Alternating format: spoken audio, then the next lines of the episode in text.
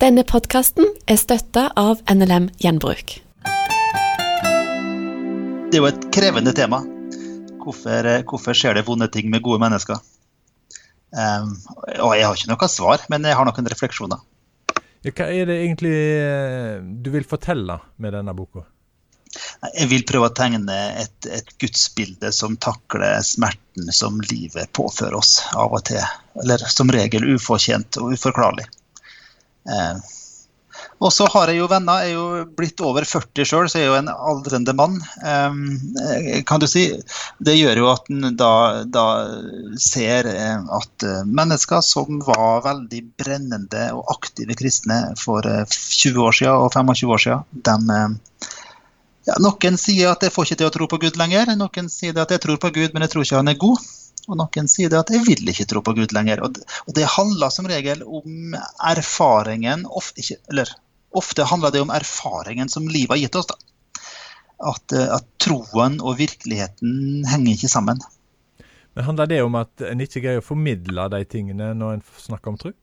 Som gjør at mennesker mennesket mister troa? Ja, det kan skje men det handler også gjerne om, om at, at gudsbildet handler om, i stor grad om opplevelse og hva jeg føler. Så hvis du liksom, er avhengig av å føle at Gud er nær, hvis du er avhengig av å føle at Gud skal tale til deg, og så går det da eh, Så skjer det ting.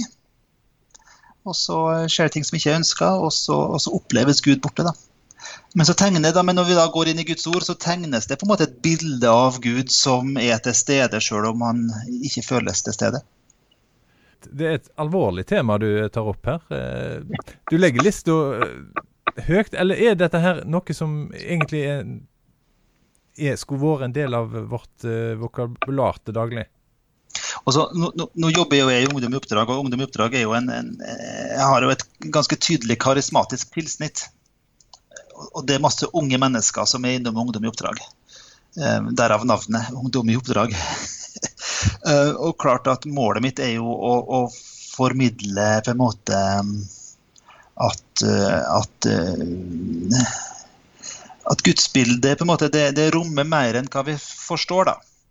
Altså, Mottoet til Ungdom i oppdrag er jo å kjenne Gud og gjøre Gud kjent. Og så er jo realiteten det at vi kan aldri kjenne Gud fullt ut. Da ville vi sjøl ha blitt Gud. Ehm, men vi kan kjenne Gud mer og bedre, og vi kan vokse i det. Men eh, jeg tenker gjerne om at, at boka mi er som altså, altså, Ikke boka mi, men jeg tenker gjerne at, at Gud, gudsbildet er som et mosaikk. Står du nært innpå, så gir um, enkeltbrikkene i mosaikken ingen um, mening. Du må ta noen steg bak, bakover. Og selv om det mangler noen brikker i mosaikken, så ser du likevel hva det er for noe. Men Var dette ei bok så du, dette temaet noe du savna sjøl når du var 20 år? Nei, da jeg var 20 år, da reflekterte jeg ikke over det. Da skulle vi redde verden, da. Eh, eh, det skal vi jo fortsatt, for så vidt. Eh, men nei, jeg reflekterte ikke over det da jeg var 20 år. Jeg ville nok ha tenkt meg sjøl at jeg hadde sett en bok her da jeg var 20 år, så ville jeg tenkt at for en treig type. Skrive om noe sånt. Ja, men nå har du blitt en sånn eh, treig type som skriver i sånn bok som dette, hvis jeg skal ta det bildet. Ja. Eh, ja, ja. Hva har skjedd med deg på veien her? Det er jo fordi at erfaringen eh, av at eh, Gud gjør ikke alltid som jeg vil. det var den erfaringen jeg har hatt. Og så eh, må vi prøve å skrive om det. Det at uh, Dette er boka altså, som handler om tema er Gud til å stole på. og i, uh, i første, uh, Det skriver du om altså, i første kapittel her. Er dette et spørsmål om sterk eller svak tro? Um, jeg lurer på om det er kanskje ingen av delene om det er sterk eller svak tro. Jeg tror kanskje at det må handle om en ærlig og sann, eller ærlig tro. Kanskje det, det er det heller troa må være ærlig. Da kan hun være sterk og kan være svak. Det er ikke så veldig relevant om hun er sterk eller svak. Det viktigste er at hun er ærlig. Andreas Nordli, du er Petro-gjest i dag. Og i et intervju i Vårt Land så har du sagt at erfaringene dine eh, gir deg fysisk kvalm av lettvinte svar på vanskelige spørsmål. Hva spørsmål er det du blir eh, kvalm av? Har jeg sagt det, ja? Det har jeg sikkert sagt. Um, nei, jeg, jeg, kan bli Jeg kan få lettvinte svar på vanskelige spørsmål i forhold til f.eks. For sykdom og lidelse. Um, gjør at jeg kan oppleve ubehag. Ja. Men det handler òg om at, at, at, vi har en personlig historie, både med, med, med sykdom og, og, og, for at vi har bodd i, et annet, vi bodde i Romania i mange år og erfarte der en del ting som gjør at eh, himmelen, eller perspektivet, da, både gudsperspektivet, men også liv, livsperspektivet, også perspektivet over livet, gjør at uh, det er ikke alt en forstår. Er det et nederlag? Nei, det er ikke et nederlag. Det er tvert imot. Det er en erkjennelse av at Gud er Gud, og vi er ikke Gud. Nå er du leder for en organisasjon for, eh, for ungdommer. Eh, det å formidle dette her, er det noe som eh, egentlig krever litt erfaring for å skjønne det, det vi snakker om nå? Ja, erfaring vet ikke. Jeg kjenner nok av folk er på over 60 som har levd med hodet i sanda hele livet. Så det, jeg vet ikke om det handler så mye om erfaring. Det handler vel kanskje mer om villighet til å gå inn i spørsmål som en ikke vet svaret på, før en går inn i spørsmålet. Ja, for Kjell Ingolf Ropstad, han er leder i Kristelig Folkeparti, han eh, sa noe i et innlegg, en setning. Det du orker å leve med, det må jeg orke å høre om. Ja, det er helt riktig. Er det, det noe Gjelder det dette òg? Ja, i høyeste grad. Kjell Ingolf er jo min gode venn. Um, og um, en mann jeg har veldig stor respekt for. Jeg tror han har helt rett. Vi må tåle å leve med, med, det. Og hvis vi ikke tåler å leve med det, da har vi en utfordring. Eller, eller, i hvert fall å tåle å snakke om det, og snakke ærlig og sant om det. Så empati er jo da veldig viktig, og medlidenhet, og at vi tar oss tid til å faktisk lytte til menneskers livserfaring. Um, og på en måte å leve i paradokset. da, for Det er jo et paradoks her mellom på en måte Guds ord og erfaringen. For det er ikke alltid at erfaringen og altså Guds ord henger sammen. og Da må vi på en måte leve i det spennet, i det paradokset. Som til sjuende og sist tror jeg, da, når vi en gang eh, får se alt sånn som det er.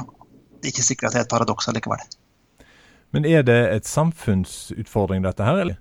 Nei, det er en massiv samfunnsutfordring i forhold til det å leve ærlige liv. Det er jo bare å ta en tur innom Facebook, det så ser du alle glansbilder. Men Hvordan jobber dere som ungdomsorganisasjon å ta tak i de tingene der? Nei, Det handler jo om kultur der, og teologi opplagt. Men, men først og fremst så prøver vi å bygge en kultur hvor det er lov til å være ærlig. Det er lov til å fortelle historier som eh, ikke er bare sånne såkalte seiersrapporter.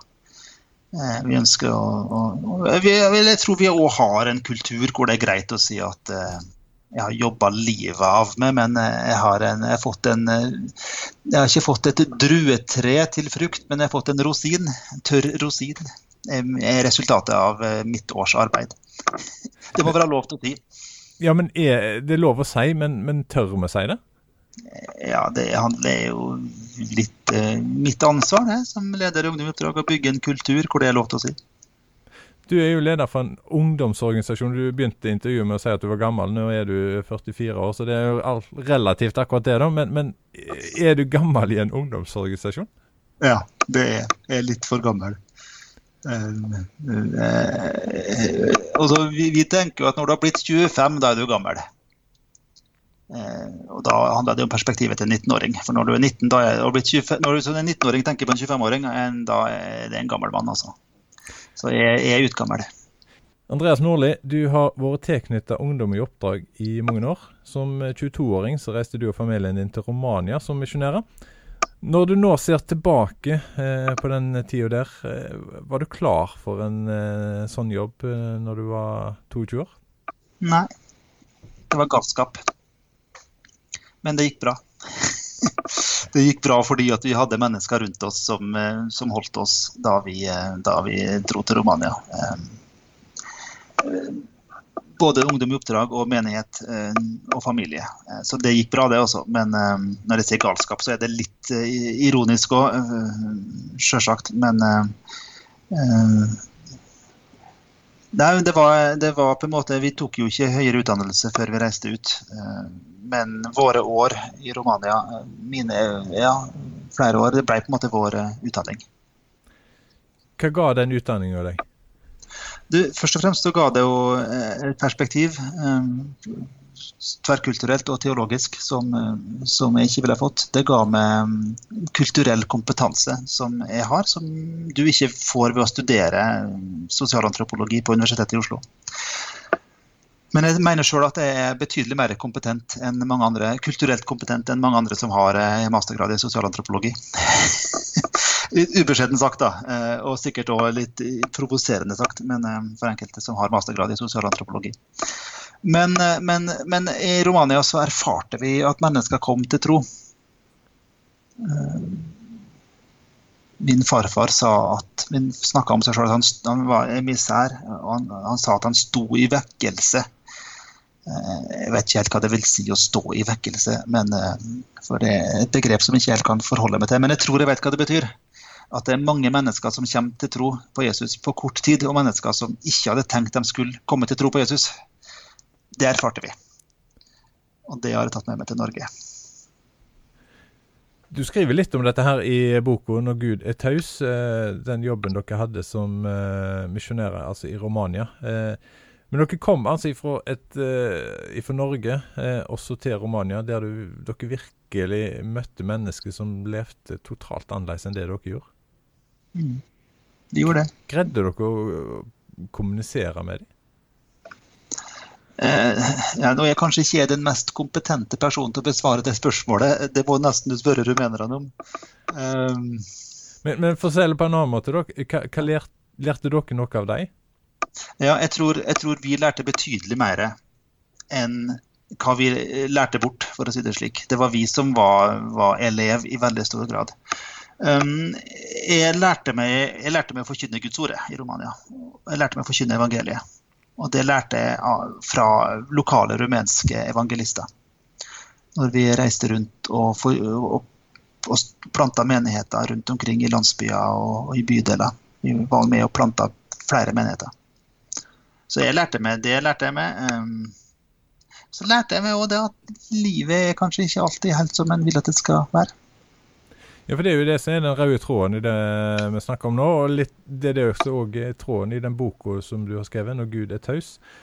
Nå er du leder for en organisasjon som sender ut unge mennesker. Eh, litt det samme kanskje opplevelsen som du fikk. Eh, hvordan eh, klargjør dere de for, for de opplevelsene som møter de når de skal reise ut til andre land og være kristne og misjonærer?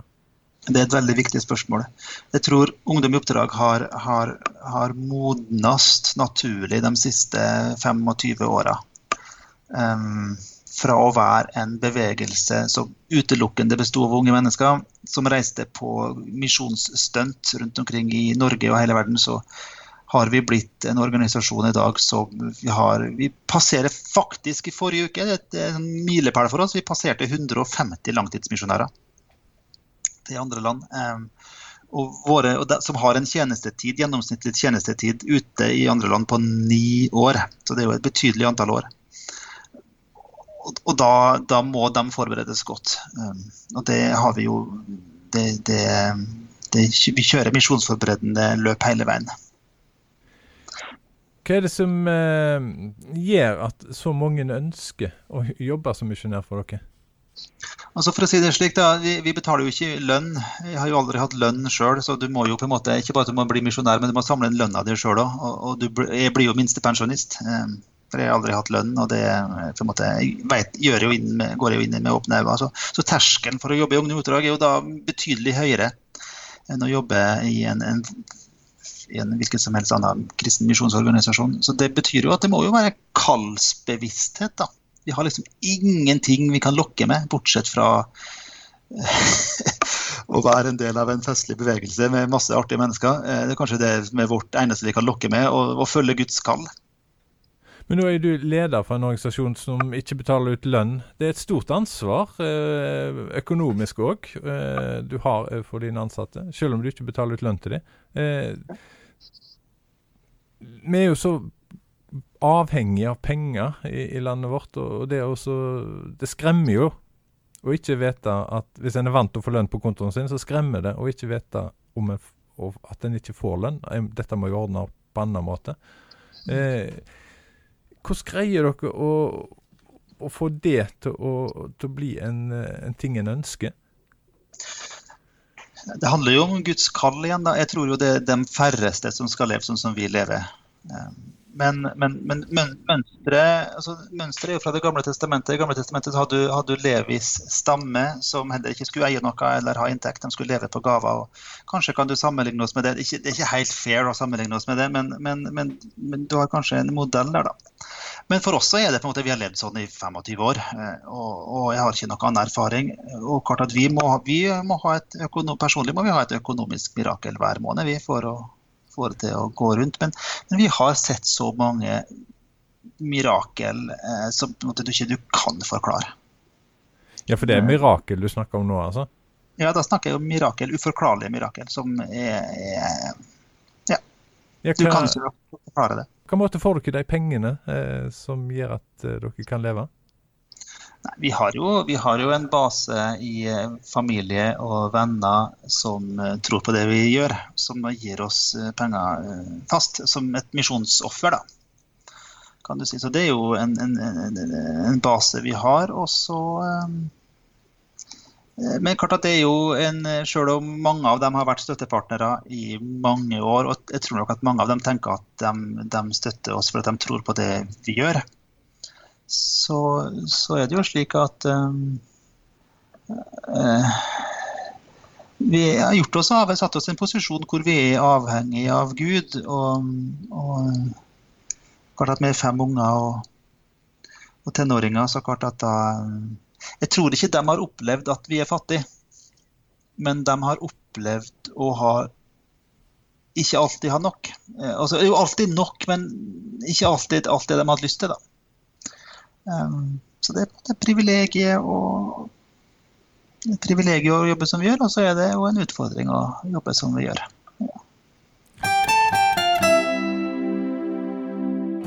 Er boden eller klesskapet ditt blitt fullt med ting som ikke er i bruk?